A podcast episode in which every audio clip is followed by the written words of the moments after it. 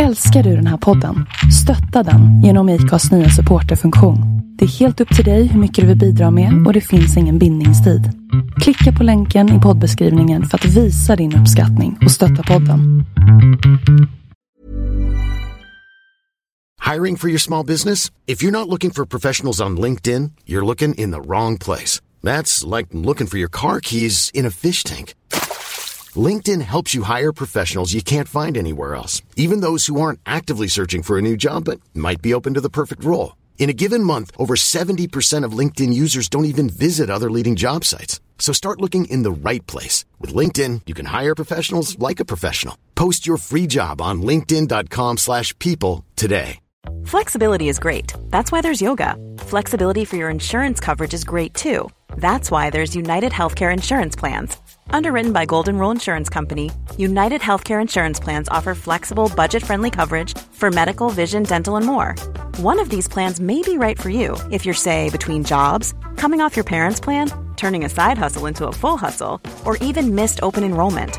Want more flexibility? Find out more about United Healthcare Insurance Plans at uh1.com. Mitt namn är Linda Hörnfeldt och du lyssnar på avsnitt 106 av We Are Influencers.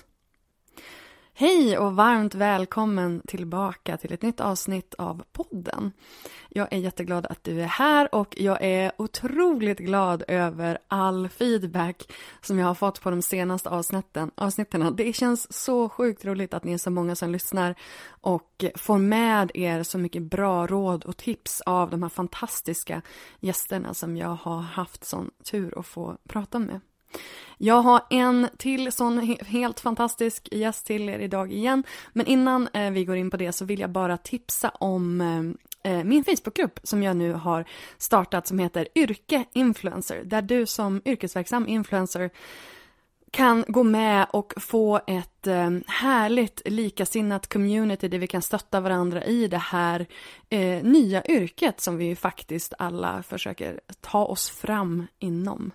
Så häng gärna med på, eh, i Facebookgruppen, den är helt gratis och den heter Yrke Influencer. Men nu ska jag prata om dagens gäst, en av mina eh, personliga favoritbloggare. Ja, man får ha favoritbarn ibland faktiskt. Eh, det handlar såklart om Flora Wiström och när hon eh, gästade podden för första gången för fem år sedan, hon var alltså min andra gäst någonsin i den här podden. Och då delade hon bland annat, med, bland annat med sig av sina bästa bloggtips för att då hade hon ju redan då bloggat jättelänge. Och hon outade själv, sig själv som hipsterbloggare med lite hjälp ifrån mig. nu så här fem år senare så är hon tillbaka som verksam författare och vi pratar om hennes författarresa och hur den här förändringen har sett ut. Från att skriva 12 blogginlägg i veckan som hon gjorde då till tre nu för tiden. Och det här är ju såklart då för att göra rum för bland annat de två romaner som hon har skrivit hittills. Vi pratar om konst och skapande och kreativitet och Flora delar med sig av sina rutiner för att hålla det här skrivandet vid liv. Och vi pratar också om hennes relation till sociala medier och vikten av att faktiskt fokusera på rätt saker. Här kommer min intervju med Flora Wiström.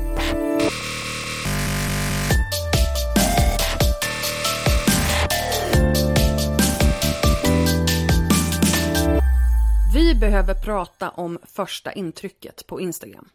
Och då syftar jag inte på färgval eller filter eller enhetligt vita bakgrunder. Nej, jag syftar på tydligheten i ditt budskap och varför någon ska klicka på den där följknappen på ditt konto.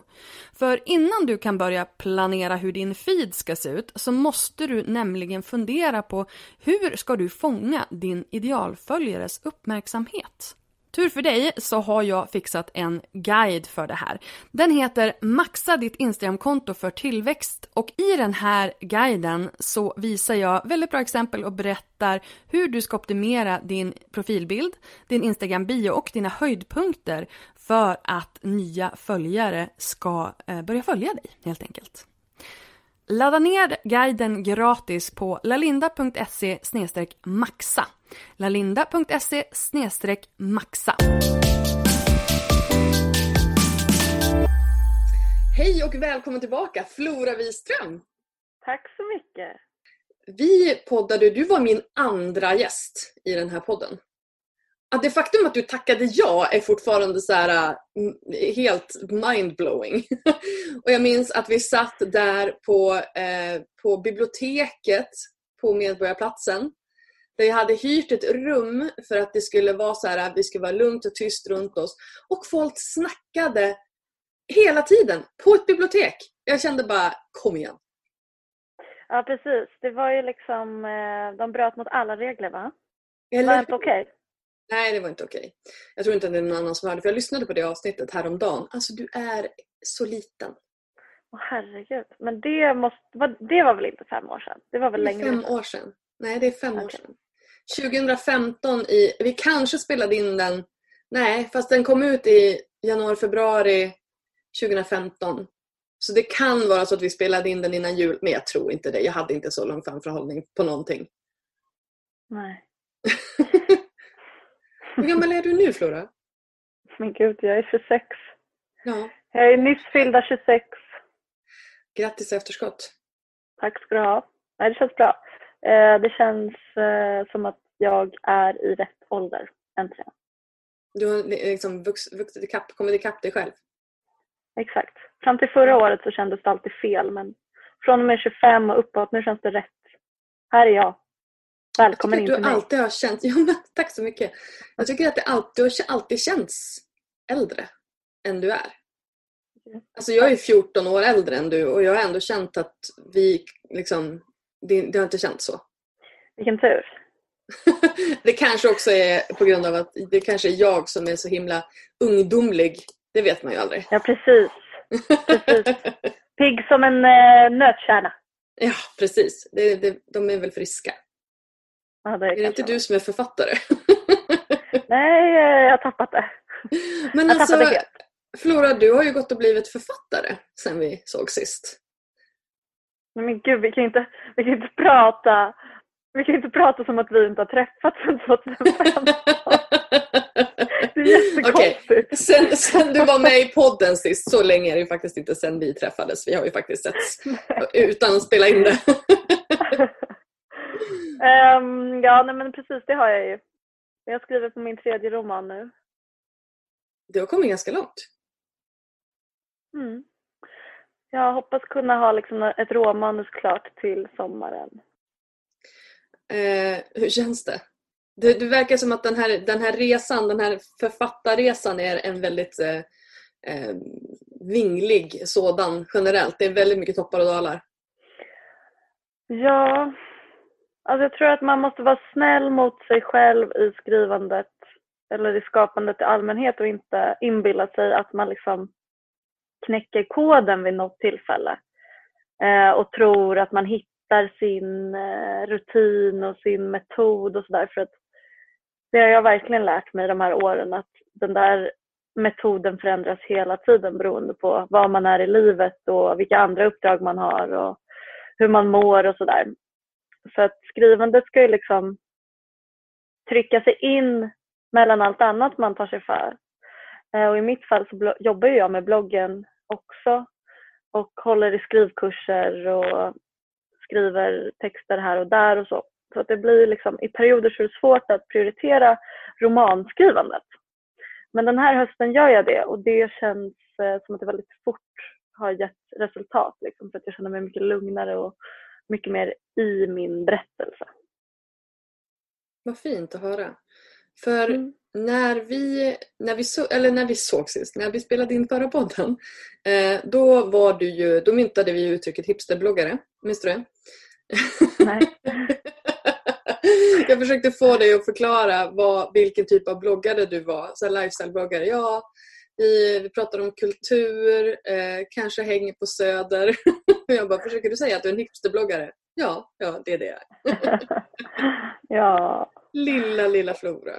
Ja. Eh, nej, men jag tyckte det var det, det tyckte jag var väldigt fint. Men känner du att eh, har, har, du, har du flyttat vidare från hipsterbloggandet nu? Alltså just ordet hipster känns ju som att det tillhör liksom 2009 väldigt mycket. Eh, så jag kanske inte identifierar mig med det ordet men det är klart att jag, är fortfarande, jag bor ju fortfarande på Söder och jag ägnar mig fortfarande åt kultur. Så att, uh, jag är 2009 till och med! Herregud, det här var ju ändå 2015 som vi spelade in. exakt, exakt. Jag tycker, jag tycker det känns väldigt... Eh, nej men jag, men jag skulle väl fortfarande kunna säga det, att det stämmer in. Om, om man skulle fråga andra så skulle väl folk säkert säga att det finns liksom en slags i alla fall en alternativ ton i min blogg om man jämför med liksom influencers som typ Alice Stenlöf och Bianca Ingrosso så blir jag liksom mycket mer alternativ. Fastän i min värld så är jag ju inte alls alternativ. Liksom. Nej, du är fullt normal eh, i min värld. Du är, du är normativ i din egen värld. Verkligen. Eh, ja, men det är jag ju. Alltså, är, jag sticker inte ut på så många sätt men däremot så eh, avspeglar ju eh, min personlighet och mina intressen sig väldigt mycket i eh, bloggen. Och mm. Eh, jag är väldigt intresserad av eh, skrivande och böcker och ehm, inredning och resor och sånt som, alltså det, min estetik finns ju där. Liksom. Mm. Och den är kanske lite mer, jag vet inte, jag ska inte ge mig själv en medalj på något sätt. Men, men okej, okay, vi säger hipsterbloggare, det blir jättebra. men, alltså, men jag tänker så här att från då, då du var liksom bloggare, punkt, mer eller mindre. Eh, skribent kanske, men du var ändå så här, du, du titulerade dig eh, bloggare, åtminstone i podden. Eh, men nu känns det som att nu har du så många andra ben att stå på, främst författarskapet. Hur, hur skulle du säga att ditt yrke ser ut idag? Eh, jag har ju liksom på något sätt äventyrat väldigt mycket det senaste året. När jag bestämde mig för att gå från att blogga varje dag i veckan till att blogga tre dagar i veckan. Eh, och det var något som jag gjorde för att Alltså 2005 så bloggade jag 12, 12 gånger i veckan. Så det har ju skett liksom stegvis. um, men, men det är ju ett sätt för mig att hinna tänka på andra saker. Mm. Uh, och att uh, liksom plöja fram tid för skrivandet. Och det gör ju att jag, jag identifierar mig ju mer kanske som en författare nu än vad jag gjorde för några år sedan.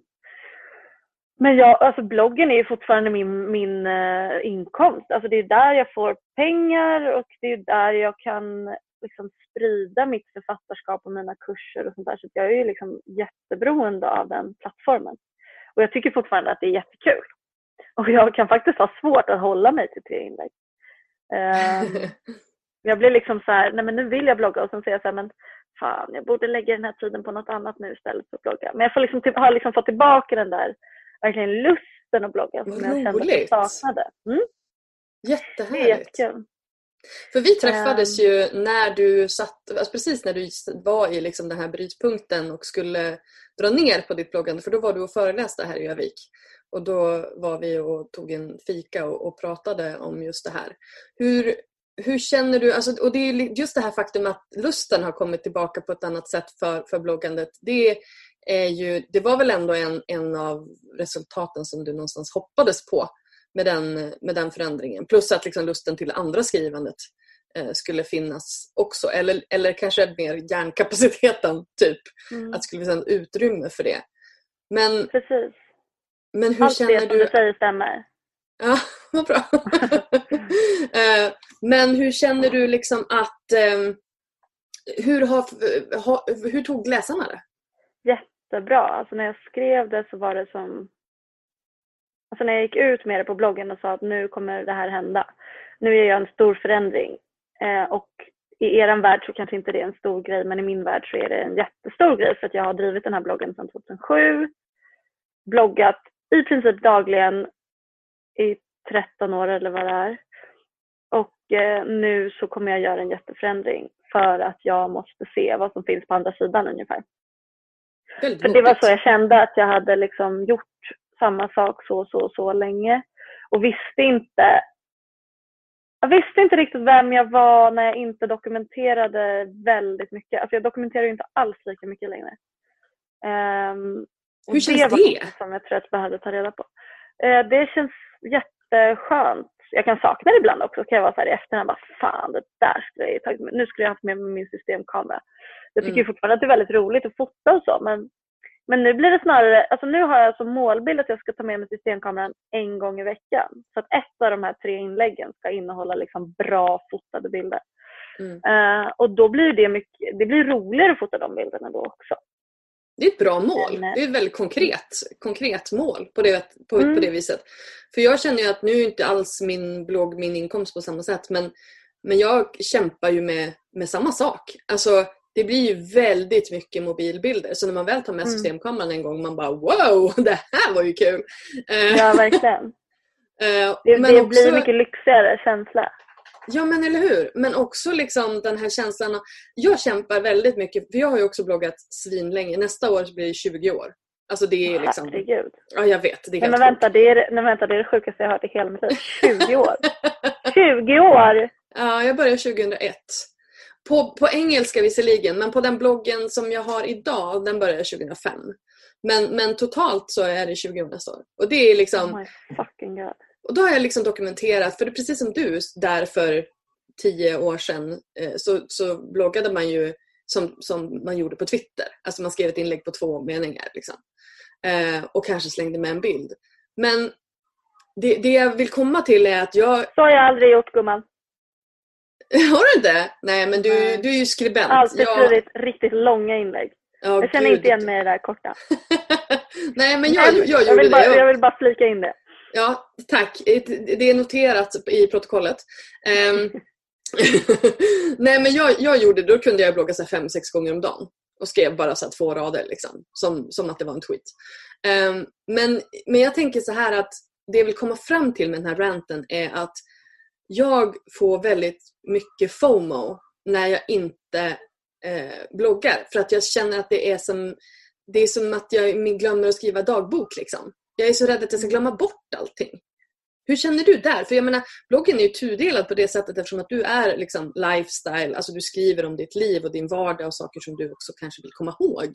Och inte bara för liksom, pengarna, publiken, strategin. Utan, så det faktum att, att hålla isär de två och känna att man inte så här, men gud det här borde jag skriva om för att jag vill komma ihåg det. Känner du, känner du någonsin så? Eller är det liksom så här, du är bara glad att slippa det? Nej, men alltså jag kan typ snarare åt andra hållet känna mig duktig. Att jag har gjort någonting med mina kompisar utan att ha skrivit om det eller utan att ha fotat. För att eh, jag kan känna så här, haha, nu ser mina kompisar att jag inte alls är helt upptagen av att dokumentera det här och omvandla det till ett blogginlägg. Liksom. Så jag tror fortfarande att jag är där, att jag känner lite så, score, jag är en vanlig mm. person också, inte helt störd av min, mitt yrkesval. Liksom.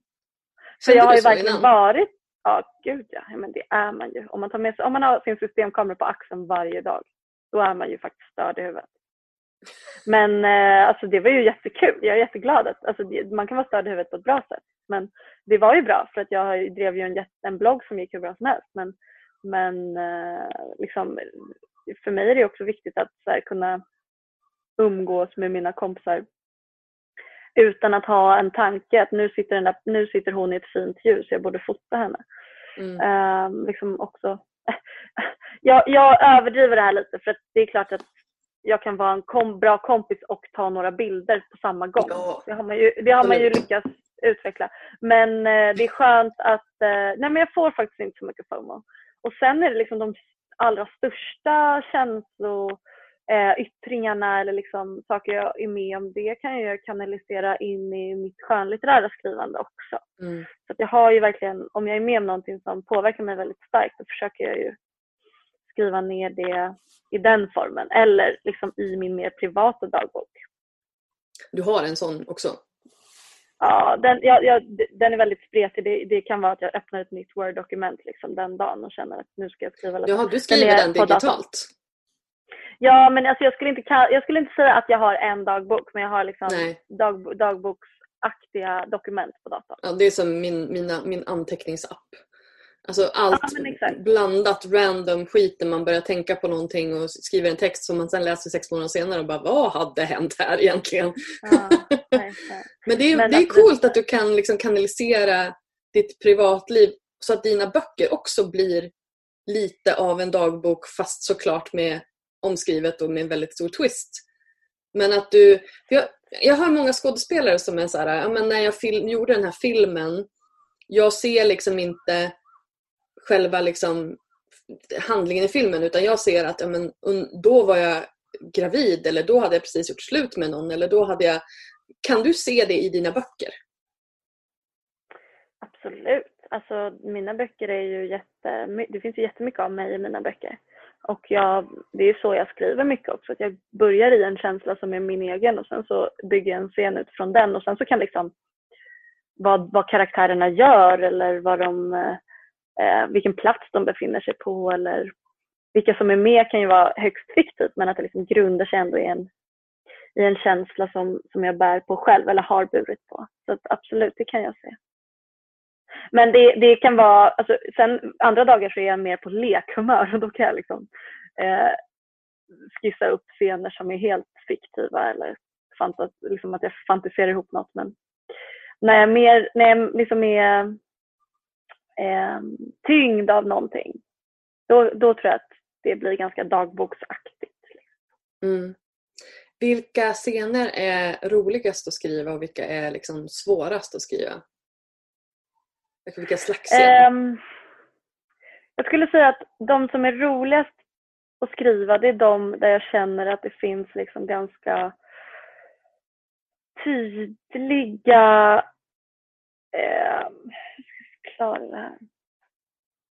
En känsla som ska förmedlas som är stark. Alltså att om det är liksom eh, sorg eller om det är kåthet eller om det är liksom eh, besvikelse, alltså så starka känslor. För de, de tycker jag är lättare på något sätt att skriva fram för då kan jag känna dem i kroppen mer. Alltså scener som jag kan känna i kroppen. Mm. Eh, de blir lättare att skriva fram skulle jag säga. Det är lite som skådespeleri också. Just det här att, ja, det, att man måste gå in faktiskt. i känslan för att kunna förmedla den. Mm. Och, ja, verkligen. Och det vet jag när jag skrev Hålla andan, min förra bok. Då, eh, liksom, när jag skrev tyngre scener, då vet jag att jag satt och, och skakade själv liksom, för att jag var mm. så inne i det. Och det är också de scenerna, jag kan ju känna det när jag läser igenom att här var jag verkligen inne i. Men det är ju väldigt svårt att bestämma på förhand. Det kan ju också vara så att man helt plötsligt hamnar i någonting och blir förvånad. Oj, gud, är jag här nu? Men det är väl det som är konstnärskap. Det är väl det som är liksom höjden av kreativitet på något vis. När, när liksom kroppen någonstans bara leder en dit man ska. Och mm. man inte riktigt gör det medvetet. Det kan jag ju också känna på, på en helt annan nivå såklart. Men när jag sitter typ och designar eller alltså man sitter... Jag, typ, när jag var yngre så designade jag mycket hemsidor. Då kunde jag sitta hela nätter och designa hemsidor. Och du vet när det liksom bara tar, tar a life of its own. Eh, och då man är på det där hajet. Det är ju liksom, ja, flow. Mm. Verkligen. Men jag vet inte om jag, alltså jag har inte så ofta flow, men jag fattar, jag fattar den där känslan ändå att man är, bara, man är upptagen av någonting. Mm. Um, men för mig kan det vara liksom inte så långa stunder, men jag kan vara i det liksom, och sen kommer jag ur det och sen har det gått en kvart och så har jag skrivit en scen eller en del av en scen. Men att jag, jag vill liksom bli överraskad i mitt eget skrivande. Jag vill inte planera så mycket på förhand utan jag börjar ofta i en ände och så ser jag var jag hamnar och det är då det blir jäkligt kul för mig och det tycker jag liksom är, är det absolut roligaste egentligen. Så vad är det svåraste då? Disciplinen, att eh, inte eh, att inte liksom sväljas av sitt dåliga självförtroende. Utan att liksom mota bort den där rösten som säger fan vad dåligt det här är, det här är så banalt eller hur, kan, hur tror du att du ska kunna skriva en bok och sådär. Att hålla på och hålla bort den rösten. Det är svårt men det svåraste är egentligen tycker jag att få till en bra skrivrutin som man liksom kan hålla sig fast vid. Eh, nu har jag det eh, och det är väldigt härligt. Eh, men, men jag vet mycket väl att det kan, det kan liksom ta slut när som helst så jag njuter av det. Kan du, alltså, för, för, det här är som med all kreativitet också, kan du bara så här, sätta det så nu ska jag skriva, klockan tio idag ska jag sätta mig och skriva och så skriver du? ja. sker det? Ja, men det sker... Alltså jag kan inte prata om så hur det är i allmänhet eller när jag skrivit mina tidigare böcker för som sagt så, så ändras det där hela tiden vad som funkar. Mm. Men just nu så har jag en jättetydlig skrivrutin som är att jag ställer klockan på halv åtta, eh, snosar en gång, går upp. Jag älskar ändå eh, den rutinen, att snosandet är i rutinen. Ja, visst. Um, jag får liksom inte börja, börja dagen med en känsla av att jag har snosat för mycket. Alltså då blir det negativt. Alltså det ska ändå finnas en så här, jag är duktig och redig känsla. Mm. Uh, och då är redan kvällen innan så har jag uh, städat undan i vardagsrummet och där är också, det är också mitt kök. Städat undan där och ställt fram datorn. På, den har laddats under natten. Jag har kryssat ner alla liksom, webbfönster uh, och stängt av internet så att det inte börjar poppa upp notiser. Liksom. Och sen så har jag mitt dokument uppe på datorn. Så den står där redo. Så jag går upp på morgonen, sätter på mig min morgonrock, hasar mig fram till kaffebryggaren, kokar kaffe. Och så tänder jag två små ljus som jag har. Och sen så sätter jag mig i soffan och så läser jag bok. Och det tycker jag är en väldigt skön liksom, um, ritual eller vad man ska säga. Jag tycker, jag tycker det, att läsa är en väldigt härlig liksom, språngbräda in i, i mitt eget skrivande. Så jag hämtar väldigt mycket inspiration, både medvetet och undermedvetet, från den boken jag just läser. Så det blir också mm. väldigt viktigt för mig att välja rätt böcker. Så läser jag kanske en halvtimme och sen så sätter jag mig vid datorn och så i bästa fall så har jag redan dagen innan bestämt vad jag ska börja skriva. Jag kanske har någon vag uppfattning om att men imorgon så ska jag jobba vidare med den här scenen. Mm. Eller imorgon så ska jag skriva en scen mellan den här pappan och den här dottern. Eller så mm. um, men annars så, så, försöker jag liksom scrolla mig igenom dokumentet och hitta något som, som väcker någon liten gnista. Och så placerar jag mig där och sen så skriver jag eh, eh, någonting och det, just nu så är mitt mål minst 290 ord om dagen. Eh, för det var väldigt specifikt. Nå... Mm, ja, Inte 300 har... utan 290. ja, men det är datorn som har räknat ut det åt mig. Ja, ja, ja. Eh, för jag skriver i ett program som heter Scrivener och då kan man skriva in så mål. Mm. Eh, och då så står det så här att jag ska skriva 290 ord per dag för att komma upp i 50 000 ord den 18 december. Eh, och då, hör, då låter det också så här ding när man har nått upp det. älskar det. älskar det. Man, ja, det här gamification-grejen, det funkar så jävla bra. De bara, jag var duktig, ding! Exakt, och ofta är jag ju inne i något då så då fortsätter jag skriva och då har jag plötsligt skrivit dubbelt så mycket som det var tänkt och då känner jag mig jättenöjd och sen har jag liksom avsatt tid fram till klockan 11 men då är ofta klockan halv tio och då vet jag, efter det så får jag liksom lite mer fri lek eller fortsätta skriva är i det. Liksom. Mm. Så där är jag nu.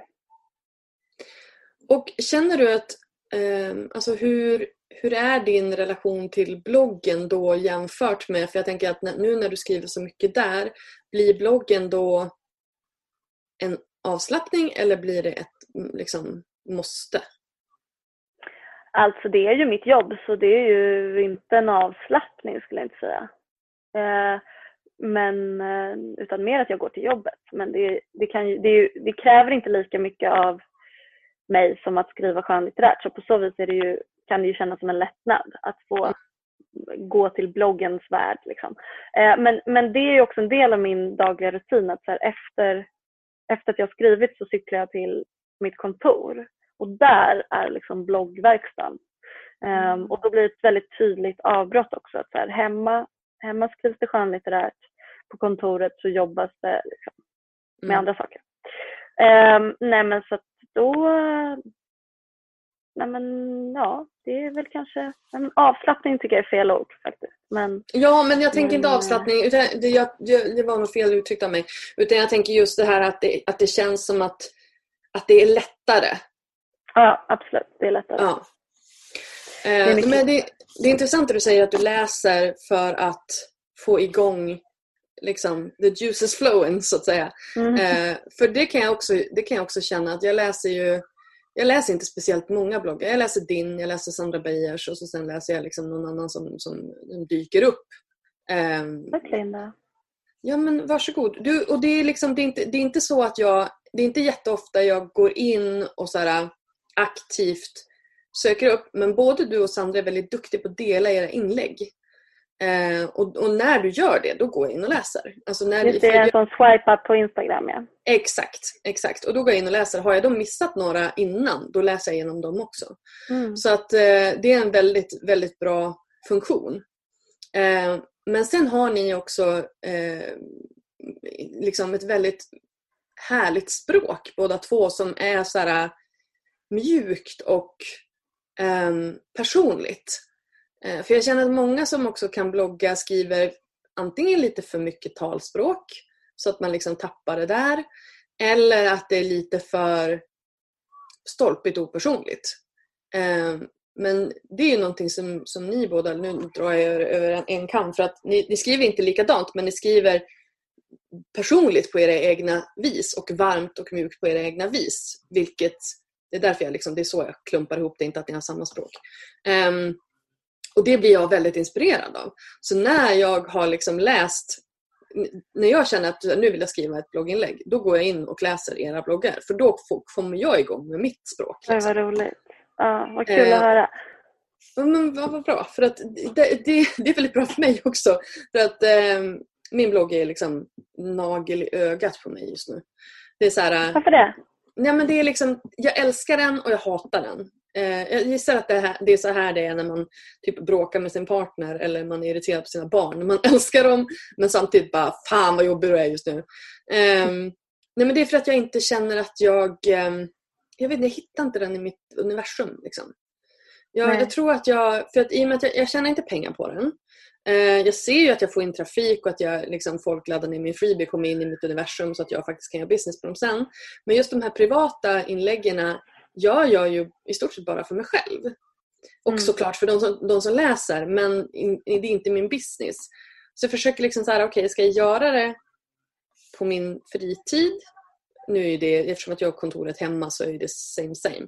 Men är det, liksom, är det min fritid eller är det min business? Eller är det olika inlägg som är min business eller som är min fritid? Ska jag, ska jag bete det eller ska jag hantera det som att det är ett jobb eller ska jag bara låta det liksom komma när det vill? Och därför är det bara konstant prestationsångest. Liksom. Just vad har du för mål då? Så här, hur många inlägg i veckan tänker du? Men jag har ju inget. Eller jag, jag, har ju, du vet, jag har ju någon slags tanke om att jag ska blogga varje dag. Och det gör jag ju inte. Det har jag inte gjort på länge. Men du kanske um, skulle må bra av att ha ett mindre mål, att du ska blogga tre gånger i veckan eller något. Då kanske det bara ja. blir en så här skönare grej. Att, då vet du, då ska du göra det tre gånger. Och då, alltså för mig funkar det svinbra. För att få ja, men då kanske jag ska, jag kanske ska anamma din del då. Men skriver du då i och publicera live eller, eller schemalägger du? Eller hur, hur tänker du? Jag skriver alltid dagen innan så att det ligger uppe på, tidigt på morgonen. Mm. Men du skriver eller... ändå, du, du, skriver inte alla tre på söndagen och sen skickar ut dem liksom schemalägger? Nej, nej, nej, nej gud. Nej, på söndagen. För det första så är jag ledig på söndagen. Ja, ja, ja men du, du väljer en dag och så batchar du och så... Oh my god, nej, alltså, att, ja, Nej, det är inte det. Alltså, anledningen till att jag säger det är för att jag, alltså 2005, eh, 2015 när vi såg senast, då jobbade jag definitivt helg. Det gör jag absolut Vi sågs ju inte längre. senast då. Nej, men jag menar när jag var i podden. alltså, anledningen till att jag säger det är för att jag tror att många, många jobbar helg. Jag, vill inte råda folk att göra det. Um, men uh, nej, jag gör ett i taget. Dels för att de tar tid, så jag skulle inte hinna göra tre, dag, tre stycken på en dag. Uh, och dels för att det blir mycket roligare. Mm. Sen om jag reser iväg så kan jag ju batcha. Men mm. eh, för mig är det liksom inte, alltså jag vill, jag vill, precis som jag vill känna mitt skönlitterära skrivande så vill jag känna mitt bloggande också. Eh, och om jag batchar så blir det mycket mer en produkt snarare än en, en förmedlad känsla. Ja, jättebra formulerat. För det är lite så jag känner också. För jag är ju väldigt inne i liksom den här, ja men du vet, digital marknadsföring, jobba med sociala medier. Då säger ju alla att man ska batcha och det är ju jättebra. För att liksom strukturera upp sin tid och eh, kanske skapa mer, mer innehåll och när man är i det. Men, men samtidigt, och det här har jag också sagt angående mina lanseringar och de mejl som jag skickar, att många skriver liksom alla mejl på en gång och så sen så droppar man ut dem. Och jag har testat både och. Men men jag, jag, jag, brukar säga att jag vill ju vara i det. Eh, och att det känns mer äkta om jag liksom skriver ett nyhetsbrev. Alltså jag hatar att kalla det nyhetsbrev, men jag skriver ett mejl till min mejllista och så skickar jag ut det på en gång. För att då är jag som i det och då kan jag skriva om hur jag känner just nu, vad har jag gjort idag, du vet sådana saker. Och det blir ju inte så om, om man liksom schemalägger dem en vecka innan. Nej, verkligen inte. Och man kanske förlorar någonting, som du är inne på. Alltså du vill ju ändå att folk ska känna att de vill läsa det du skriver och det är inte säkert att det går att förmedla samma saker om man liksom, ja, skriver alla på en gång. Men det vet jag inte. Alltså det, det, det kan ju också vara att man är på hugget då och liksom jobbar satan. Och. Det beror faktiskt också lite på vilken typ av inlägg det är. För att om det är ett inlägg som är, här är mina fem bästa filmtips just nu, då spelar det ingen roll när jag skriver det. Men om det ska finnas en, en nutidsförankring eller liksom en... En nerv? En nerv. Så kanske mm. det bara ska vara lite mer direkt. Mm. Jätte... Ja. Det var, det var väldigt fint uttryckt för att eh, det har jag liksom inte... Jag har inte tänkt på det så. Jag har väl tänkt på det men jag har inte liksom formulerat det. Så att tack. Tack för det. Men, men om, du... jag ska, om jag ska vara konkret så kände jag till exempel i, i måndags, jag bloggar på tisdagar, torsdagar och söndagar. Och I måndags så sköt jag upp bloggandet hela dagen, det som skulle då komma ut på tisdagen. Och så började jag skriva ett inlägg som skulle vara så här, mina, eller tre saker du ska titta på just nu ungefär. Mm. Och så skrev jag liksom det film, eh, tv-serietipset. Och sen så låg det bara som på en egen liten ö och jag visste inte vad jag skulle göra med det och det kändes bara jättejobbigt att skriva klart det där inlägget med fler tips. Och då blev det så här, och, och jag fick bara mer och mer ångest över att jag skulle trycka ut det här som jag tyckte var dåligt och eh, inte tillräckligt skarp analys och så. Och då så var jag så här, nej men vad fan nu gör jag det här till någon slags konstigt hopkok av blogginlägg istället. Och då blev det liksom eh, saker jag hade gjort på senaste tiden och då fick det här eh, tipset liksom smyga sig in mellan mm. de andra bilderna. Och då märkte jag direkt att så här, ah, men här kan jag, här kan jag vara.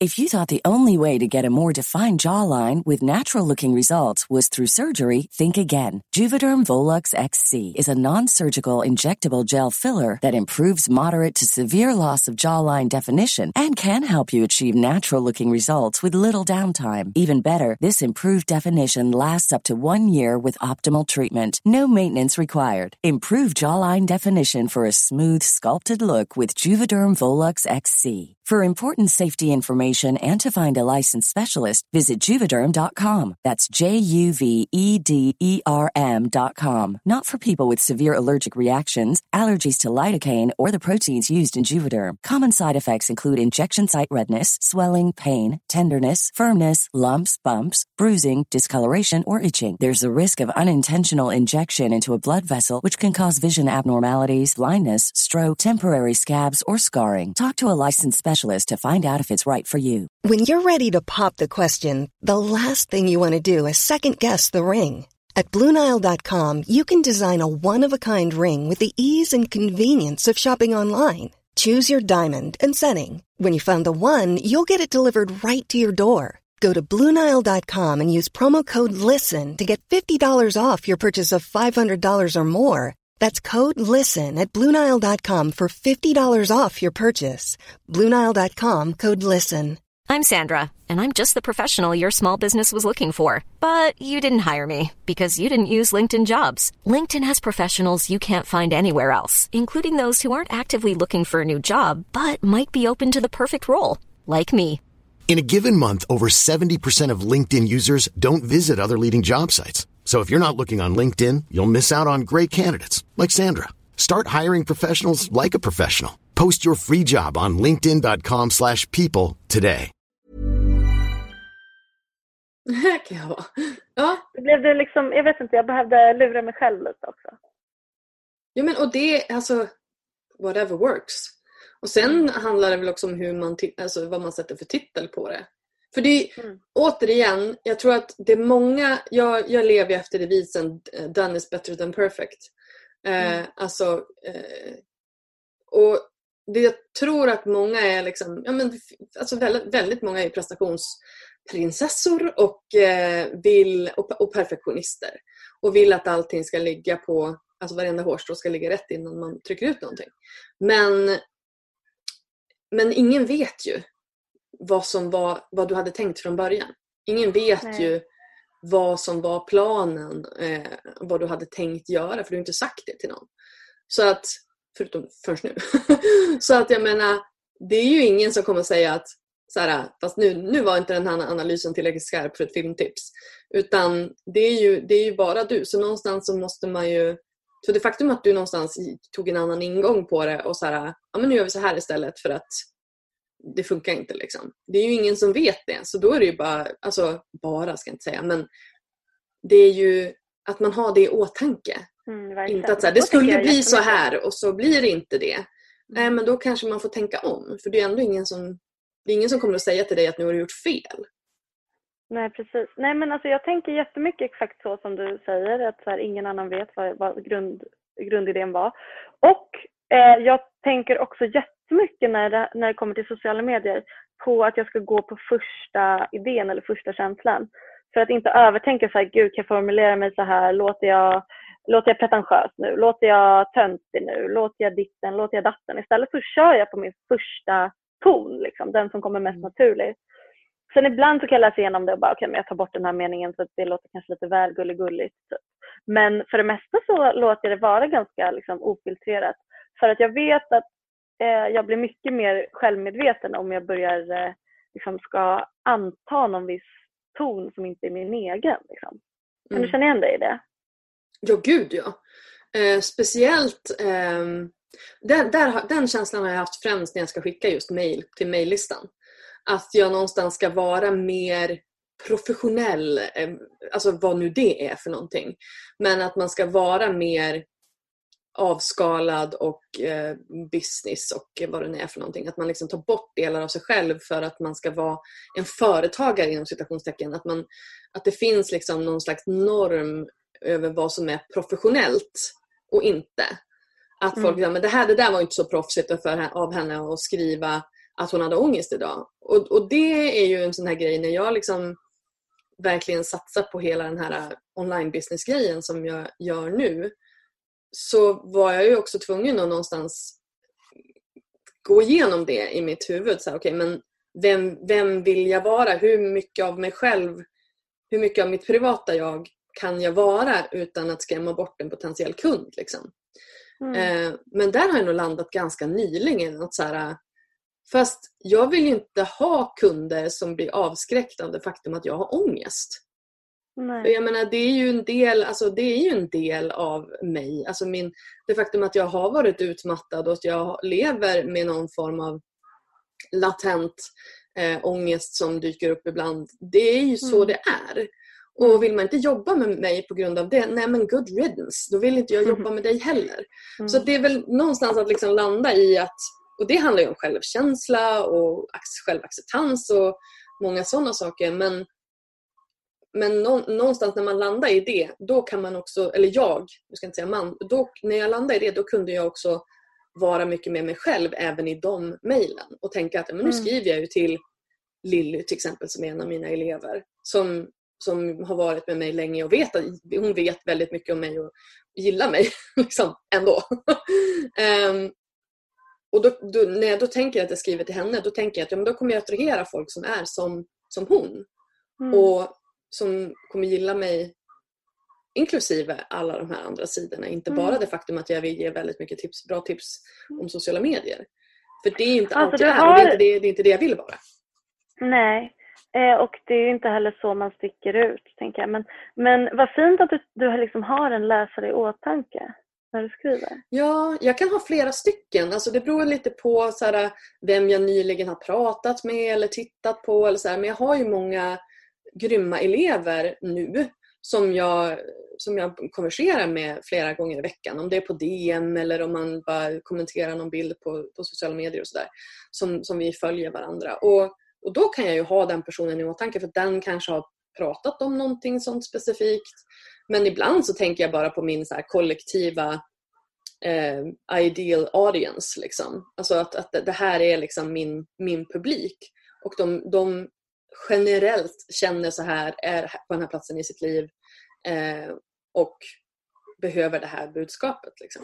Mm. Men jag tror att det, skulle, att det hjälper, det, det, pratar jag väldigt mycket om i min business, alltså det här med ICA, Ideal Customer Avatar, det låter sjukt osexigt. Men liksom att man har Floras uppspärrade ögon. jag fattar absolut inte vad du pratar om just nu. Nej men alltså idealkund. Mm. eh, och för dig är det ju liksom en, en idealläsare. Vem är din, din typiska läsare? Liksom? Mm, mm. Eh, och hur jag då, och har jag då, för du har ju också garanterat jättemånga sådana personer som har kommit fram till dig och älskar dina böcker, älskar din blogg. Och när du skriver ett inlägg så kanske du, även fast du inte gör det medvetet, har någonstans i bakhuvudet att men den här personen vet jag ju läser. Då skriver jag till henne. Mm. Eh, och det är lite samma sak. Och det tror jag tillåter en att vara mer fri i mm. hur man pratar. Mm. I alla fall om det är en snällis. Ja, men jag tänker att vi bara vill hänga med snällisar. Ja, men jag tänker att De andra behöver vi inte många prata läsare... Nej, precis. Men jag tänker just att det är viktigt att välja en snällis då. Så att man inte väljer någon absolut, som man tycker är cool. Absolut. Ja. Jo, men och det handlar ju om vart man vill skicka sin energi också. Mm. Eh, alltså, Min värsta, när jag kommer på att typ eh, min pojkväns ex skulle läsa, det är min värsta. Då, då kan jag inte skriva ett ord. Nej, nej, nej. Don't go there. Typ, äh, så här, personer som jag ser upp till. Alltså verkligen så att jag, vissa, det finns vissa sådana som bara, nej men då kan jag inte. Nej men alltså det, så där tänker jag också. Jag har vissa personer som jag vet följer mig som jag är lite intimidated av. Och om jag tänker att den personen läser inläggen så blir jag ju bara, då blir, alltså för det första får jag prestationsångest. För det andra så är det kanske inte min idealkund men det är ändå det är en sån här... någon man har raggat på eller? Nej, utan jag är snarare liksom, det här är typ kanske så en, en, en man i branschen som mm. inte är min kund men jag mm. ändå jag eh, imponeras av personen och är lite, lite, lite rädd. men alltså lite mm. intimidated av personen. Mm. Och känner någonstans så finns det någon sån här underlig del av en som vill se bra ut och prestera inför en sån mm. person. Mm. Och skulle jag tänka på den personen när jag ska skriva, då, det är ju som den här ex-flickvännen, då bara då går hela hjärnan sönder. Liksom. För att då, då måste ju, då måste, det är så jävla många miner man kan kliva på där. Liksom. Ja, eh, så att den personen får man absolut inte tänka på. Sen vet jag ju att den personen, vet jag inte om du vet att exet läser, förmodligen. Eh, men men sen, om, sen om jag vet att den personen eh, tar del av det innehållet så då är det ju upp till den. Liksom. Men då har jag inte anpassat mig efter det.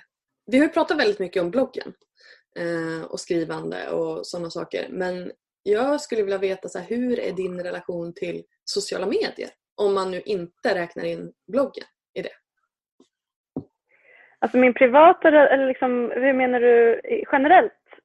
Min ja. relation? Eller, ja. ja. ja. men som offentlig person um, på plattformen och även hur du konsumerar. Ja, ja precis. För det tänker jag är två olika saker. Alltså som mm. hur jag tänker kring... Eh, jag har ju testat Youtube, det slutade jag med. För det kändes inte som... Eh, jag fick bara prestationsångest av det typ. Mm. Eh, det var ett så stort projekt och var läskigt att folk ska se en från alla vinklar och man ska vara så mycket. Ja, man behöver inte. Nej, och, och jag testade även podd. Jag höll på att podda i massa år. Mm. Eh, så jag har liksom gjort det. Du, du, du. Instagram är det som fortfarande finns kvar och eh, det är också en plattform som jag känner, den växer nästan ingenting. Nu växte den med 200, jag fick typ 200 nya följare igår för att det var någon så här jättestor stort Instagramkonto som repostade en bild som jag hade lagt upp. Mm. Eh, och sen var det en annan jätte, ett annat konto som då gjorde, repostade exakt samma bild. Så igår fick jag 200 nya följare, det var ju jättekul. Härligt! Um, men um, annars Men har du? Som inte mina 30,8 ja. mm. uh, tusen. Um, inte stycken. 30,8 personer. 30,8. uh, men så, och, och, det har jag haft liksom jättelänge så mitt Instagramkonto växer inte. Um, och uh, jag tror att jag också på något sätt blivit lugn av det. Att så här, det här är min following. Och det är nästan bara svenskar och jag märker att det är många som interagerar och det känns ju helt sjukt i allmänhet att det är 30 000 personer som vill fortsätta följa mig. Um, men jag har en ganska avslappnad relation till just min egen eh, plattform på Instagram. För jag har inga liksom, eh, målbilder i hur många inlägg jag ska lägga upp eller hur många stories. Det enda jag gör, som jag alltid gör, det är att jag, jag swipar till mina blogginlägg och jag lägger upp eh, Instagrambilder när jag känner för det. Förr var jag också jättemycket så här, vilken dag är en bra dag för att lägga upp en Instagrambild? Men nu skiter jag i. Nu lägger jag upp när jag känner för. Mm. Jag kanske väntar till att lägga upp en jättebra bild, inte på fredag eftermiddag, men, men i övrigt. Men det kanske också är därför, lite tough love, det kanske också är därför du inte växer. ja, verkligen. Ja. Eh, men, eh, men om det är okej okay, eh, så spelar det ju ingen roll. Eh, alltså, för det beror ju på helt vad man har för strategi. Och jag tycker att det verkar ganska skönt att du någonstans har landat där. Men ja, det här känns bra. Här, här men jag har liksom ingen tillväxtstrategi eller liksom en, jag har ingen dröm om att växa i mina sociala Nej. medier. Jag, mm. Min dröm är att folk ska läsa mina böcker och att jag mm. ska få fortsätta skriva. Och jag vill liksom foka på rätt saker. Sen, sen vill jag ju att, att folk ska fortsätta följa mig för att jag ska kunna fortsätta marknadsföra mina kurser och böcker och liksom få tjäna stålar och så. Men där jag är nu känns toppenbra liksom. För att jag tjänar pengar och eh, jag gör bloggsamarbeten och jag gör Instagram-samarbeten. Och, um, men jag har, jag har ingen, jag har inget, ingen dröm om att, alltså det är klart jag skulle bli jätteglad om jag växte. Det hade varit mm. toppen men det är inte någonting som jag aktivt jobbar mot. Liksom. Nej, men jag tänker också att så här, när, när ditt fokus ligger på skrivandet och främst då på bloggen, då blir ju Instagram en, en, främst en marknadsföringsplattform för att skicka folk vidare dit. Mm. Dit mm, det faktiskt det där, dit där du vill ha dem. Ja, men det är, mm. och det är ju skillnad för att de som har Instagram som sin, primära plattform, först och främst don't do it. Algoritmen är liksom, alltså det är alldeles för... Jag tycker att lägga hela sin business på Instagram är väldigt um, alltså, vad heter det? alltså väldigt läskigt, väldigt riskfyllt. Uh, för att uh, du har ju ingen kontroll över någonting. Algoritmen gör som den vill. Jag vet inte hur många som messar mig i veckan som är så här, vad är med algoritmen? Vad, vad är det som mm. händer? Varför får jag ingen räckvidd? Och, och, det, och det kan man ju prata hur länge som helst om. Men där har ju du ändå gjort ett, ett, ett väldigt medvetet och strategiskt val även om det kanske inte känns så. Att du inte lägger ditt fokus där. Liksom. Ja men det funkar ju inte heller i och med att jag i första hand är en skribent eller en skrivande Exakt. människa för att Instagram är inte ett, ett bra, en bra plattform för text. Um, men jag, jag, är ju också jättevisuell och tycker att det är roligt. Alltså jag tycker verkligen Instagram är kul. Men jag har inte ett jättebra, alltså jag, min privata, min personliga relation till Instagram är inte jättebra för att jag, uh, jag laddar bara ner appen när jag måste göra någonting Alltså jag tar bort appen jättemycket. jättemycket. Mm, mm. Och det, det, är också därför jag inte kan ha en lika bra liksom, Instagram-strategi för att jag eh, du har inte appen. slukas, nej men exakt, jag slukas av Instagram så mycket och min, liksom, när jag ska slappna av och vara lugn då vill inte jag ligga och, och, och scrolla Instagram i två timmar vilket man ju lätt faktiskt kan göra en kväll. Mm. Mm. Eh, och det bara, finns ingenting som jag mår så illa av som när jag har haft telefonen i handen hela kvällen. Så därför, och det är där det blir svårare det här eh, mitt välmående versus min business. För att min business mm. är ju också i Instagram. Men då, eh, då har jag bara som accepterat att ja men då kommer jag ladda ner den där appen. Kanske ibland vissa dagar laddar jag ner den två gånger på en dag för att jag måste mm. bara, nej men just det, nu måste jag göra någonting. Men um, i bästa fall så skulle jag ju göra, liksom lära mig Alltså jag har ju ett mobilberoende, som, det är ju där problemet ligger egentligen. Mm. Och det är där, alltså det är egentligen det problemet som jag borde ta tag i snarare än att bara ta bort appen. Eh, men det, eh, igår gjorde jag en undersökning på min Instagram eh, och frågade eh, vad är din skärmtid på telefonen i snitt förra veckan? Per dag och då så hade jag som alternativ under fyra timmar och över fyra timmar. Och då var det nästan lika delar, över eller under fyra timmar. Och, och jag valde just fyra timmar för att det är där någonstans min, min skärmtid på telefonen ligger. Drygt fyra timmar nu när jag facetimar varje dag och sånt för att min pojkvän bor utomlands. Eh, men så det är, det är för mycket. För mig är det för mycket. Jag säger inte att, jag säger ingenting om hur någon annan ska göra. Men för mig är det för mycket för att jag vill hellre läsa bok på kvällen. Um, så att jag ska sätta en väckarklocka nu. Alltså jag, jag har faktiskt också övervägt detta. Jag vill ha en klockradio. Mm. Istället för att ha telefonen. Mm. Ja, för då slipper man telefonen i sitt sovrum och det är där man lätt kan fastna också. Så här, helt plötsligt är klockan ett och man har typ bara scrollat runt på sin telefon fast man skulle gå och lägga ja, ja. två timmar sedan. Alltså gud, när reels, nu när reels har kommit till Instagram, jag kan sitta, det är som TikTok, man bara sitter och scrollar och scrollar och scrollar. Jag älskar ju det, jag älskar ju Instagram. Men det är också för att jag har någonstans har jag har varit otroligt medveten med att kapa allting jag inte mår bra av i mitt flöde. Det spelar ingen roll om jag känner personerna.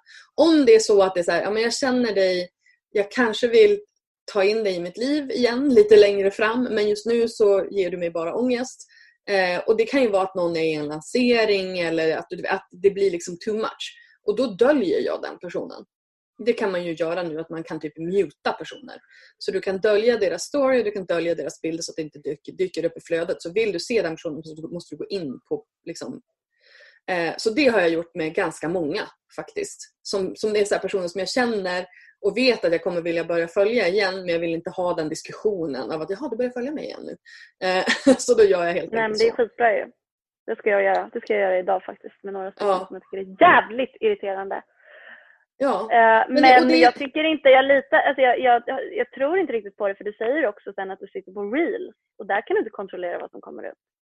Nej, fast där är ju algoritmen ganska snäll mot mig. Eller okay. så här, mm. just nu är algoritmen lite full.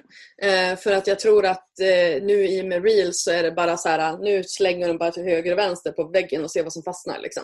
Eh, mm. För jag har ju fått upp nu, jag får ju väldigt mycket så här, eh, ja, men mammor, familjer, det får jag hela tiden därför att jag är i den åldern och de skiter i att jag inte har barn eller någon sambo eller någonting. Eh, och, eh, men det faktum att jag nu får typ så här, eh, vad var det jag fick igår? Jo, så här posar, alltså best, best couple poses. Du vet, sånt får jag. Och så, sen, och så sen får jag... Fan vad töntigt. Det är faktiskt det töntigaste jag har hört i hela mitt liv. Tänk att någon har, tänk att någon har gjort det. Det finns alltså, jättemånga. Gud, hur mår det den finns personen? jättemånga sådana på, oh. på reels och på TikTok. Hur man ska posa för bilder som par. Uh, anyway, moving on from that. Och så sen fick jag också upp så här: My wedding planning for 2021. Man bara algoritmen du är full, gå hem. Mm, verkligen. Låt mig vara. Kan jag, kan jag få vara i fred? Men någonstans då, då ser jag ju det som mitt, så här, för att jag är så pragmatisk när det gäller det, då går jag in och sådär, inte intresserad, inte intresserad, försöker lära algoritmen vad jag vill ha. Just det, det kan man göra, det är faktiskt skitbra. Men då ska man också vara på en plats där man liksom kan stå emot. Absolut. Jag tänker att det är jättemånga, eller liksom, det är jättemånga som får upp så här, eh, supersmala tjejer och så tittar man på det för man kan inte låta bli. Och, eller barn, man kanske inte kan få barn men så sitter man och tittar mm. på andra som har fått barn. Alltså, då, då ska man vara stark också. Mm. Och väldigt medveten om vad, vad det är som triggar en. Jag känner mig väldigt medveten om det så jag tror också att jag skulle kunna göra den där prylen. Men jag tittar mm. faktiskt inte på reels alls men det är också kanske för att jag inte har appen så ofta. kan vara därför. Men jag, jag tycker ändå att så här, men jag är ju också väldigt så här, mycket early adopter, tycker om nya feature, tycker om att testa. Men jag gillar ju sociala medier, jag jobbar ju med det. det är mm. liksom, jag tycker ja, jag att det är roligt. Jag jobbar också med det och gillar det men jag tycker inte att det är helt oproblematiskt bara. Nej, och det är det absolut inte. Men liksom för mig som har en väldigt god självinsikt och någonstans jag har jobbat väldigt mycket med mig själv, gått sjukt mycket terapi, har väldigt, är väldigt medveten om mina triggers och vad som är mina issues, då kan jag också välja på ett annat sätt. Men det är klart att vissa mm. dagar då är jag bara såhär, pallar inte, jag tar inte bort den. Men, men då, är, då lyckas jag faktiskt hålla mig därifrån. Um, Hur många var... timmar skärmtid har du per dag på din telefon? Jag, jag skrev ju till dig igår. Uh, uh, jag, hade, jag hade 4.30 så det, jag tyckte inte att det var så farligt. Jag, I've, been, I've had worse weeks. Ja, ja nej, men jag tycker också det känns faktiskt, alltså på ett personligt plan, jag skiter i vad andra gör, men på ett personligt plan så är jag okej okay med 4, 4, 4.30. Ja. Eh, men eh, när det liksom är uppe på 6 och nosar, då känns det jävligt ofräscht för mig. Alltså, Nej, men alltså, det beror också på så här, för resten av timmarna sitter jag ju framför den här exakt, Exakt, så det är väldigt lätt sätt att lura sig själv. För sen kan man ja. titta på serier i fyra Men jag timmar. jobbar också med det, vilket också är min ursäkt. Ja, jag vet. Men det är klart att man när man sitter och tittar på TV och samtidigt sitter med telefonen. Nu, nu, nu börjar vi gå för djupt in i liksom mitt eget destruktiva beteende. Let's not go there. Eh, det tar vi, tar vi off camera. Um, off podd. Men jag vill prata om lite så här, för du, du, du, du sa från början så att ja, men jag kanske inte är eh, som Bianca Ingrosso eller Alice Stenlöf. Alltså när man ser på influencerbranschen som helhet och där vi är just nu. Hur, hur, känner du inför det? Och hur känner du inför din plats i den? För jag tänker att det är ju, det är ju dem. Det är ju Bianca Ingrosso, det är Kinsa, det är Brundin Bella, jag kallar henne fortfarande. Eh, det, är, det är den, alltså när influencers hamnar i media, då är det de vi ser. Ja, men jag är ju inte den största liksom, så jag kan inte förvänta mig det heller. Men men eh, jag ser det väl som att om man har bloggen som sin huvudsakliga plattform, vilket jag har, så är ju det en väldigt begränsad eh, plats för att folk ska hitta till en. Igår, eh, eller häromdagen så var jag på författarbesök hos en, två nio, nioklasser, klass nior, vad säger man? Två, nionde klasser. Nio, nionde, nionde klasser. klasser. Eh, och eh, jag frågade, är det någon här som läser bloggar? ingen läser bloggar. Jag mm. frågade min brorson häromdagen, han är tio år. Han bara, håller du på med Youtube? Jag bara, nej men jag har ju en blogg, jag jobbar ju med en blogg. Han bara, vad är det? Och man bara, mm. okej okay, du, du är tio, eh, du hänger på TikTok hela tiden. Du vet inte vad en blogg är. De här niorna, de läser inga bloggar. Eh, alltså, det är, är man inte på Youtube eller på TikTok eller har en stor podd, då, alltså, man är ganska begränsad i sin räckvidd. Liksom. Det beror Sen, också på vad man, har för, vad man har för målgrupp. Jag tror varken ja. du eller jag är ute efter nionde klassen. Du är ju det visserligen. Ja, nej, du får börja med TikTok. Aldrig i livet. Fan, helvete. alltså så jag känner, nej. Men jag vill verkligen inte det. Jag, jag har aldrig haft appen för att återigen, jag är livrädd för att fastna i olika flöden. Ja, där fastnar man kan jag säga. Det är ah. här, fyra timmar, forget it. Där har du en mm. skärmtid på 10 liksom för att, att det, man, bara, man bara fortsätter. Usch, det, det är som knark. Usch, usch, usch, usch, Nej, då vill jag hellre leva life. Um, det är det jag gör där. Ut över de andra. röda träkronorna. Um, ja, precis. Uh, nej, men uh, jag, blir, jag kan bli uh, inspirerad i det att folk är liksom entreprenörer och skapar andra, andra eh, sminkmärken eller klädmärken eller eh, eh, säljer produkter eller hittar på något kul. Alltså det kan jag tycka är roligt. Det funderar jag mm. på. Så här. Skulle jag kunna göra något sånt där? Och nu har jag ju kurser visserligen. Det är ju en, en sån, om man nu vill kalla det produkt som jag säljer. Men det är ju ingenting som, som jag blir rik på. Eh, men det hade varit Flora onlinekurs, onlinekurs, onlinekurs. Det här har vi pratat om många gånger. Det jag, jag, gör det ju inte för att tjäna stålars i första hand, jag gör det för att träffa människor och det gör man inte på en online. Nej, men om man gör en onlinekurs så kan man ju fortfarande tjäna stålarsarna och så sen så kan man ta de här skrivarkurserna för att det är roligt men man kan bli rik ändå. Ja, alltså jag vill ju anordna, jag vill också träffa människor, jag vill anordna konferenser, jag vill göra de grejerna men nu har jag en basplatta i min business som är stadig och sen kan jag liksom lägga på grejer som mm som, alltså, som jag kan göra sen. För nu ligger den och tuffar. Liksom. Mm. Så att det, ja. det är så jag tänker. Ja, I will, I will break you. Tids nog eh, Please do. Jag tänker att jag ska skriva in det här i min, liksom, eh, mitt dokument över mina långsiktigare mål. Ja, jag försöker skaffa lite publik, mål. För att... Din publik skulle älska det. Tror jag. Mm. Mm. Du skulle åtminstone ja. kunna sälja bra mycket fler kurser än vad du kan göra nu. Ja, verkligen. Så är det ju. Gilla stålars, kom igen. Ja, det gör jag verkligen. Jag ska ju för fan köpa en tomt. Mitt, min, mitt största mål i livet är att jag ska köpa en tomt där min pojkvän ska rita ett hus till oss. Det är liksom, och då måste jag ha 10 miljoner. Så att, eh, ja, I can fix nu... that for you om vi, om vi gör en onlinekurs. mm, tack Linda. Ja. Man ska ha en vän som Linda, eller hur? I will make you rich! på riktigt, vi ska titta på det. Tycker du jag låter väldigt skeptisk? En aning.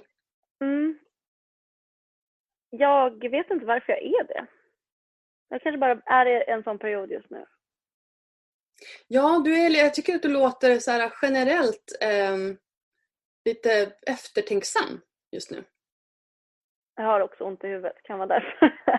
Okej, eh, men... Nu är jag bara i eh, ditt huvud, i dina soundproof-lurar och bara... Exakt. Nej men jag hör ju på mig själv att jag säger hellre dör jag och sånt. Eh, ja, du är lite neggo idag. ja, men jag tror kanske man... Alltså det, ja, men jag är kanske lite trött på sociala medier just nu. Ja, men... och sen så tror jag också att du har väldigt så här, du är väldigt principfast och har stark integritet. Um, och det är, ju, det är ju positivt. Sen så just nu så tar det ut sig i liksom så här, fuck the world, jag gör min grej. Vad bra jag säljer min egen blogg till exempel. Och, här, läs min blogg, jag hatar internet. Gud vad kul. Det är så att någon hade behövt ruska om mig innan den här intervjun och sagt så här, okej okay, kom ihåg nu, bloggen är det roligaste du vet, Instagram är det roligaste du vet. Nej, ja, jag är inte så säljig idag. Men vad fan. Du är inte så säljig idag. Men jag tycker jag ändå att vi har haft ett... på denna jord heller. Nej, men din blogg är ju en av mina favoriter och jag är jävligt eh, liksom, kräsen. Nej, men jag så älskar min blogg. Alltså det, det, det är faktiskt så. Jag, jag, jag, tycker jättemycket om min blogg. Jag, tycker, jag är jättestolt över när jag gjorde så här eh, halvårs eh, eh, analys så blev jag jättestolt när jag såg liksom de samarbetspartners jag hade haft och att jag har liksom behållit integritet i prissättning på mina... Alltså jag känner att jag har liksom hittat en nivå nu som är jävligt eh, bra och som jag känner mig trygg i. Och det är kanske också därför jag blir lite krass och liksom lite, låter lite neggig för att jag är bara inte så himla intresserad av att så här, skala upp mer, mer, mer. Okej, okay, vad händer härnäst? Utan att jag också så här, men alltså min plattform är jättebra och jag har det bra mm. liksom. Mm. du? Det är också en tacksamhetsgrej att, att det är så lätt att man blir bara helt upptagen av att man bara ska växa, växa, växa och jag, jag, jag vill inte jag vill inte att det ska uppta hela min, min tanke kring min, mitt jobb. Liksom. Nej. Och det, tycker jag, alltså, och det är ju jättesunt. Alltså låt ingen annan få dig att tänka någonting annat, inklusive jag. Eh, att, att det är jättesunt att du har en, den inställningen att så här, men jag är nöjd. Det betyder inte att man behöver nöja sig. Men att man är nöjd där man är och att man kan liksom stanna upp någonstans. Därför att, mm. jag, jag, menar när du, när du sen har skrivit färdigt din tredje bok och den ska ut. Ja men då är det ju liksom, då, då är det naturligt att då, då blir det ju ett steg till. För då har du ju liksom, då har du en till grej att lägga till handlingarna. Och när du då är ute ur den skrivprocessen då kanske det finns energi till att göra någonting annat. Mm. Så att jag menar, det är ju cykler, det är seasons of life. Så är det verkligen, så är det. Och nu är du inne i en, en, en season som tar ganska mycket av din kreativa energi. Och då är det inte så konstigt mm. att, den inte, att det inte finns så mycket kvar för de, för de andra kanalerna. Liksom, för att skala upp eller göra större eller vilja göra det. Eh. Men det kan också, det kan också grunda sig i någon form av utan, utanförskapskänsla som är just att typ jag har varit influencer länge och det har räckt på det här sättet. Man har kunnat ha en blogg och vara det och nu är jag inte Youtube-stjärna. Och eh, jag är liksom väldigt långt ifrån de som är störst. Mm. Eh, I räckvidd och i liksom och vad räknar du då? Räknar du på bloggen då eller räknar, vad, har du för, vad, vad har du för mätpunkter här? Vad har du för kopior? ja, nej men det är väl verkligen alltså, eh, ja, men det är väl bloggen och Instagram Liksom, jo, men, men vad har du, hur mycket läsare har du i, i jag, vet inte, vad räknar man nu, veckan, månaden? Um, alltså unika. Mm. Ja. Jag vet inte. Nu ser jag att du börjar söka på datorn. ja. Men det har ju gått ner sen jag bloggade mindre. Liksom, inte, inte antalet eh, unika besökare men sidvisningar har ju gått ner. Såklart. Såklart. Um, men jag tror, jag kan kolla nästa. Men det är ändå härligt att höra att antalet unika inte har gått ner. Att din publik är fortfarande kvar för dig. Men de är inte ja, men det är det jag menar såklart. med att, att, det är det jag menar med att allt står still men att det är också en, en jävligt eh, liksom, trogen följarskara. Ja, ja. Nu ska jätte... vi bara få fler att hitta till dig därför att du är ju ljuvlig. eh, ja, tack. Okej, ska vi kolla september då? Hur gick det ja. i september? Hur gick det i september? Eh, ja, men jag har ungefär 50 000 unika besökare på en månad. Ja, men alltså 50 000 unika och så sen eh, är det säkert folk på Instagram som inte läser bloggen.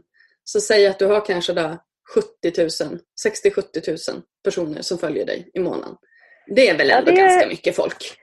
Det är ju, eh, ja det ryms 15 000 pers i Globen. Så om vi tänker då att det är fem Globen kanske. Ja, fem Globen eller en Friends Arena. Lite drygt, en och en halv. Ja, det blir en sån eh, show. Det blir show. Det blir show. Nu blir det show. Nu blir det eh, Bianca och Alice show. Tar över Globen. Ja.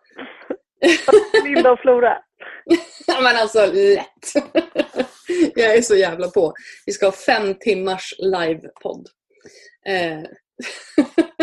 Som när jag sa till dig att vi skulle köra, att du men då kan vi köra live. Alltså när jag menade då att vi kunde ses in person eftersom att jag skulle ner till Stockholm. Och du bara, jag vill inte köra live. Livepodd är läskigt. Jag bara, nej, nej, vi ska inte sända det live ut till the people. Utan bara det att vi ses Jag fick för mig att vi skulle liksom göra det på Instagram live. Jaha, men, oj, det, nej. men, men det är bara, alltså jag har, jag är i en period nu när jag är lite skygg. Det var som att jag sa att jag inte vill att, vi ska, att du ska filma. Liksom, eh, för att jag bara tycker att det är, just nu vill jag vara lite under en sten. Ja, Vilket också okay. genomsyrar hela den här intervjun. Vi får helt enkelt ta en till intervju när du kommer ut ur, eh, ur skrivar, liksom, hålet, skrivargrottan som du befinner dig i och eh, när boken kommer ut. Gärna det, vi får se när det blir. Ja, men, men det kommer förmodligen inte vara fem år. Så då, då har vi ändå liksom tätare, um, tätare kontakt än ja. så. Det gör vi.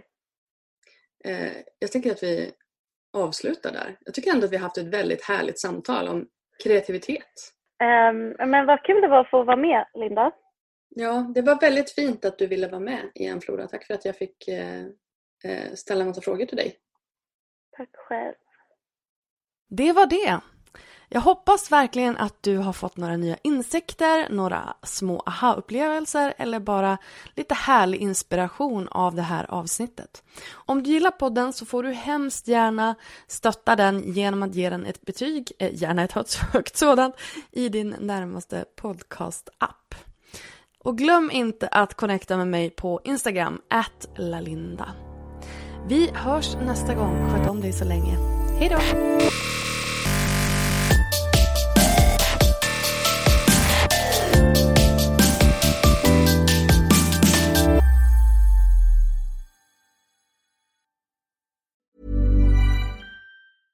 Cool fact a crocodile can't stick out its tongue. Also, you can get health insurance for a month or just under a year in some states. United Healthcare short term insurance plans, underwritten by Golden Rule Insurance Company, offer flexible, budget friendly coverage for you. Learn more at uh1.com.